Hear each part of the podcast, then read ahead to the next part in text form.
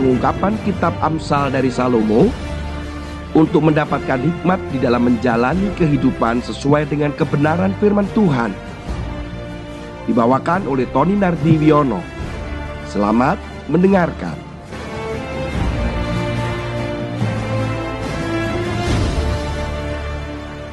Shalom Bapak Ibu sekalian. Haleluya, kita sudah masuk di dalam Amsal yaitu sudah berubah pasal atau kita berpindah pada pasal yang baru yaitu pasal yang ketujuh. Puji Tuhan, kita sudah melalui pasal demi pasal. Saat ini kita sudah mencapai pasal tujuh. Kita baca firman Tuhan di dalam Amsal pasal yang ketujuh. Ayat pertama sampai ayat yang kelima. Hai anakku, berpeganglah pada perkataanku dan simpanlah perintahku dalam hatimu Berpeganglah pada perintahku dan engkau akan hidup. Simpanlah ajaranku seperti biji matamu. Tambatkanlah semua itu pada jarimu dan tuliskan itu pada loh hatimu. Katakan kepada hikmat, engkaulah saudaraku dan sebutkanlah pengertian itu sanakmu. Supaya engkau dilindunginya terhadap perempuan jalang terhadap perempuan asing yang licin perkataannya. Saudara, kitab Amsal ini selalu mengingatkan kita, selalu terus menasehati kita terkait dengan firman Tuhan, terkait dengan hikmat. Saudara, ketika dikatakan simpanlah, jadi kata-kata simpanlah itu pasal 7 itu pada ayat yang pertama dan kedua kelihatan sekali saudara. Simpanlah perintahku dalam hatimu. Simpanlah ajaranku seperti biji matamu. Kalau di ayat yang ketiga dikatakan tambatkanlah. Ini berbicara tentang sesuatu yang benar-benar ketika kita menyimpan firman Tuhan. Di dalam bahasa aslinya, kata-kata simpan itu terjemahannya adalah sapan. Itu menyimpan itu seperti seolah-olah itu akan ada pencuri datang. Ini pasti nih pencuri atau perampok ini datang. Maka ini harus saya simpan, saya jaga, saya perhatikan. Bukan hanya sekedar kalau-kalau pencuri datang. Tetapi kata-kata sapan atau simpanlah itu artinya benar-benar secara spesifik bahwa ini pencurinya mau datang nih. Bahwa akan datang dan sudah dekat begitu. Sehingga akan jadi sikap kita itu menjadi lebih hati-hati, lebih memperhatikan. Bukan hanya sekedar menyimpan. Itu maksudnya. Saya akan berikan contoh sederhana saja lah saudara ya. Untuk memberitahukan bahwa bagaimana menyimpan. Kalau kita menyimpan contoh nih ada dokumen-dokumen di rumah saya. Saya menyimpan dokumen itu ya ada di satu tempat. Artinya di satu tempat kami simpan, masukkan ke dalam folder atau kemudian ditata sedemikian rupa rapi. Anak-anak diberitahukan bahwa ini adalah dokumen yang penting. Apabila ada sesuatu terjadi, maka bawalah dokumen ini. Bahkan kuncinya diberitahukan ini kuncinya, ini rak atau lemarinya. Itu seperti biasa karena itu adalah hal yang memang kami simpan. Tetapi tiba-tiba misal kemudian ada orang menelpon saya dan berkata, "Saya akan mengambil dokumenmu dalam waktu dekat." Misal begitu. Maka saya akan meningkatkan keamanan, meningkatkan kewaspadaan, sehingga dokumen yang biasanya hanya tersimpan di almari dikunci atau di laci dikunci, maka kunci saya gandakan. Kemudian mungkin saya pindahkan tempatnya, mungkin akan saya titipkan ke uh, safety box, macam-macam. Artinya bahwa ada urgensi, bahwa ada ancaman akan dicuri. Itu maksudnya, firman itu seperti itu. Jadi bukan hanya sekedar simpan tetapi benar-benar bahwa pencuri itu bisa datang dan segera mengambil atau merampok. Berbicara masalah pencurian, atau berbicara masalah firman itu bisa dicuri, saudara, benarkah firman itu bisa dicuri? Setelah saya merenungkan, ada dua kemungkinan tentang firman ini. Satu dicuri, yang kedua dibelokkan. Kalau dicuri itu ya pasti diambil sebagian atau diambil semua. Sehingga ada kata-kata yang hilang, ada kata-kata yang benar-benar kita nggak tahu dan atau kita lupa. Sehingga kita pastinya ketika firman itu menjadi dasar atau landasan hidup kita, kita tidak melakukan firman itu. Mengapa? Karena memang hilang, kita nggak tahu apakah benar firman berkata demikian. Nggak ada tuh, nah itu kayak gitu. Yang kedua itu adalah dibelokkan atau dipelencengkan atau di sasarannya supaya tidak terkena gitu. Jadi penyimpangan gitu artinya begitu. Jadi ada dua, satu adalah dicuri, satu adalah disimpangkan. Gambaran tentang hal ini, ini benar-benar sudah harus menjadi bagian dari kita menjadi peringatan. Kita akan membuka dalam kitab kejadian, ini akan lebih mengerti lagi saudara dan bagaimana ular yang adalah gambaran iblis itu, itu jelas di sanalah yang terjadi untuk menggambarkan pencurian itu dan membelokkan.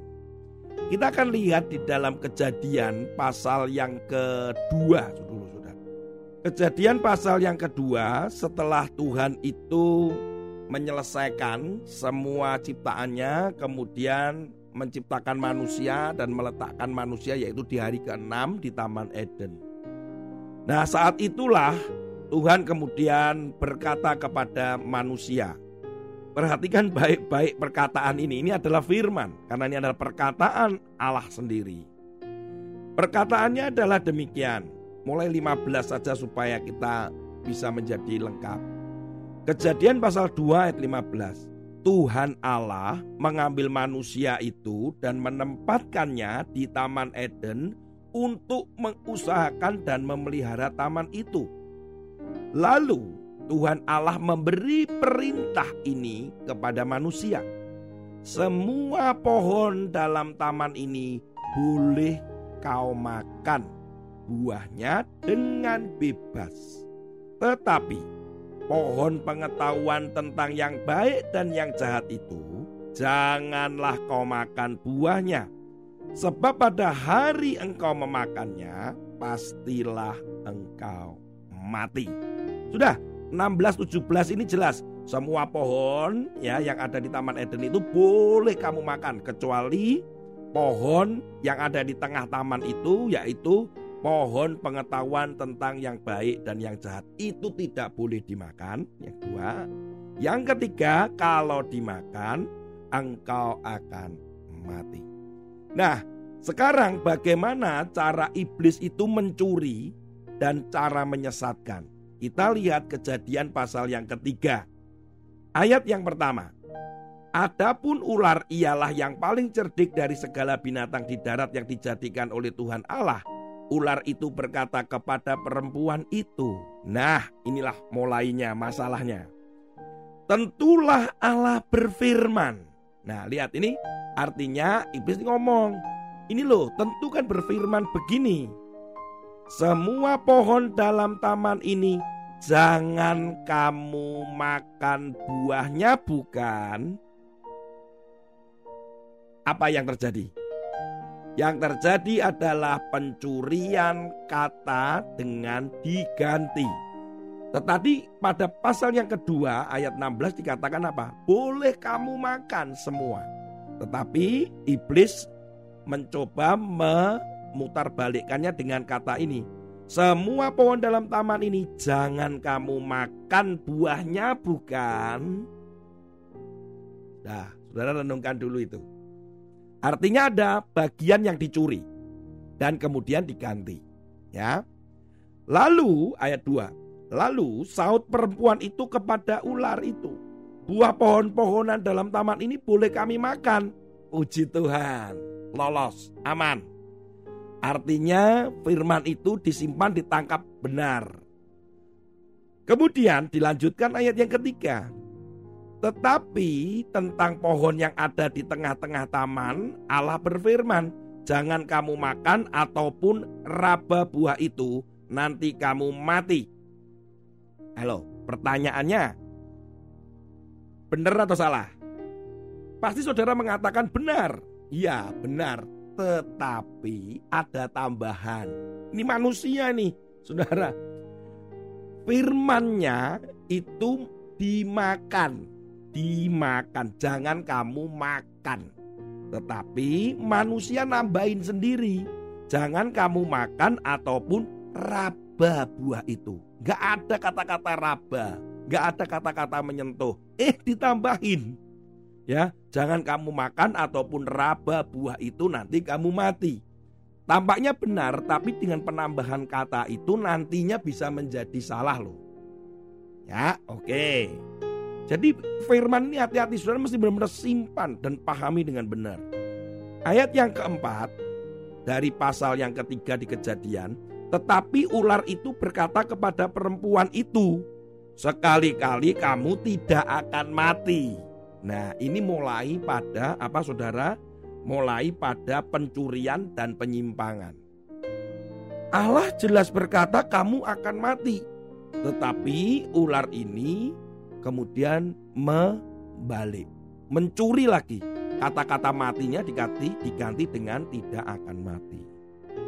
Ayat yang kelima, Allah tetapi Allah mengetahui bahwa pada waktu kamu memakannya, matamu akan terbuka dan kamu akan menjadi seperti Allah, tahu tentang yang baik dan yang jahat.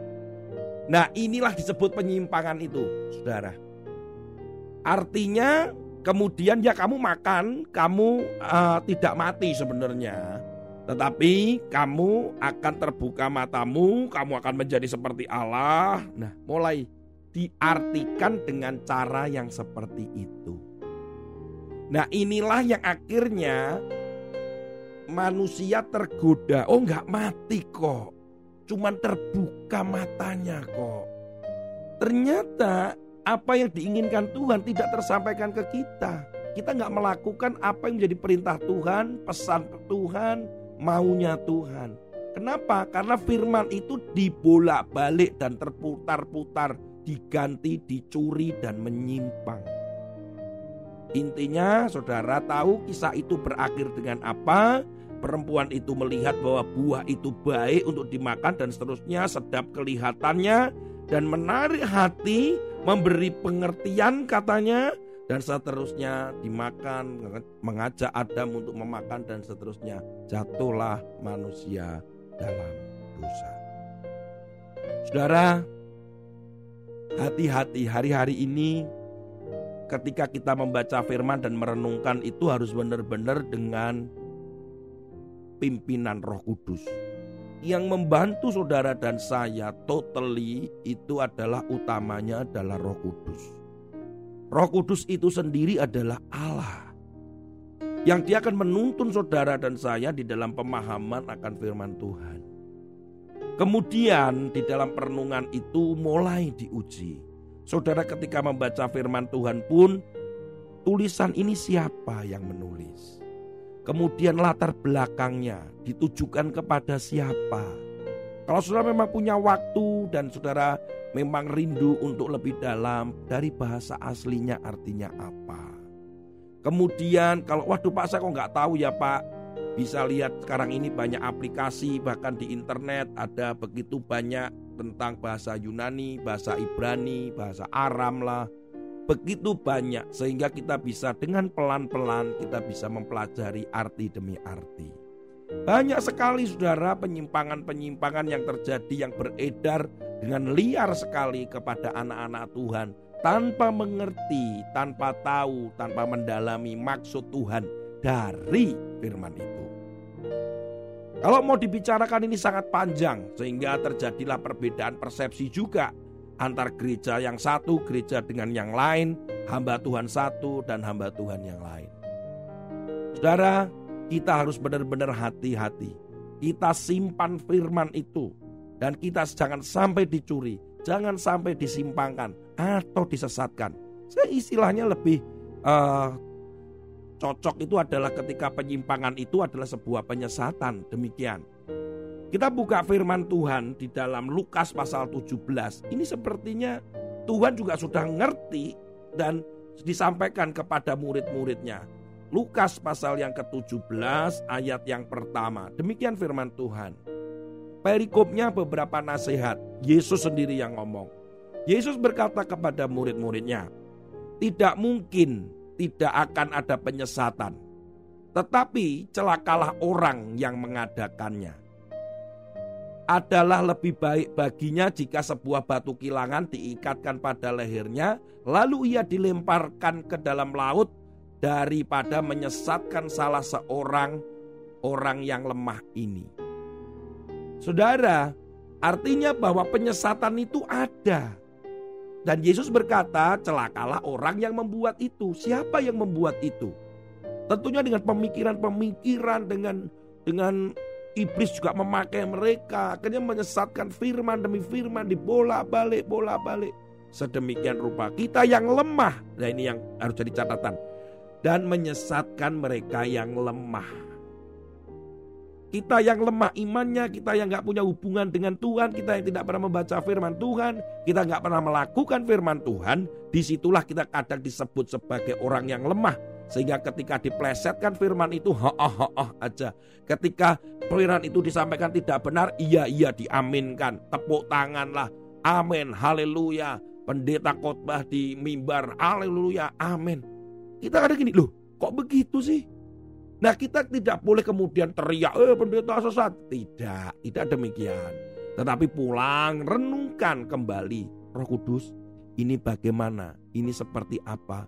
mengapa berbicara demikian. Apabila itu memang benar, ikuti. Tetapi kalau ada penyimpangan atau penyesatan, saudara mesti hati-hati. Kembalilah kepada firman. Bahkan sekarang begitu banyak nubuatan-nubuatan, dapat penglihatan ini, penglihatan itu, nubuat ini, nubuat itu, semua dikacaukan, bingung, ketakutan, kekhawatiran. Saudara, kembalilah pada firman. Firman Tuhan akan saya tutup hari ini renungannya pada 1 Timotius pasal 6 ayat yang ke-20. Ini adalah nasihat Paulus kepada Timotius. Hai Timotius, peliharalah apa yang telah dipercayakan kepadamu. Hindarilah omongan yang kosong dan yang tidak suci dan bertentangan-pertentangan yang berasal dari apa yang disebut pengetahuan. Karena ada beberapa orang yang mengajarkannya dan dengan demikian telah menyimpang dari iman. Kasih karunia menyertai kamu. Jadi dengan pengetahuan-pengetahuannya kini menyimpang ke sana kemari. Hati-hati ya saudara, mungkin kita itu tuh sudah terlalu menganggap orang yang berbicara itu orang yang kita kagumi, kita hormati sehingga apa yang dikatakan itu adalah benar. Yang dikatakan itu adalah baik, yang dikatakan itu adalah memang firman Tuhan. Sehingga ngomong apa saja kita mengaminkan bahkan kita membela orang itu. Eh tidak tahunya bahwa dia adalah salah satu penyesat misalnya. Kenapa? Karena dia menggunakan pengetahuan itu. Karena kita lemah. Sehingga hati-hati. Cerna baik, renungkan siang dan malam, tanyalah roh kudus, kembali gali. Karena akan banyak penyesat-penyesat di akhir zaman ini. Saya berdoa supaya saudara tidak menyimpang Firman juga tidak tercuri dan saudara tetap menyimpannya dengan hati-hati, dengan sangat waspada di dalam hatimu. Firman Tuhan katakan, seperti biji matamu, jagalah firman dan perintah Tuhan. Haleluya. Amin.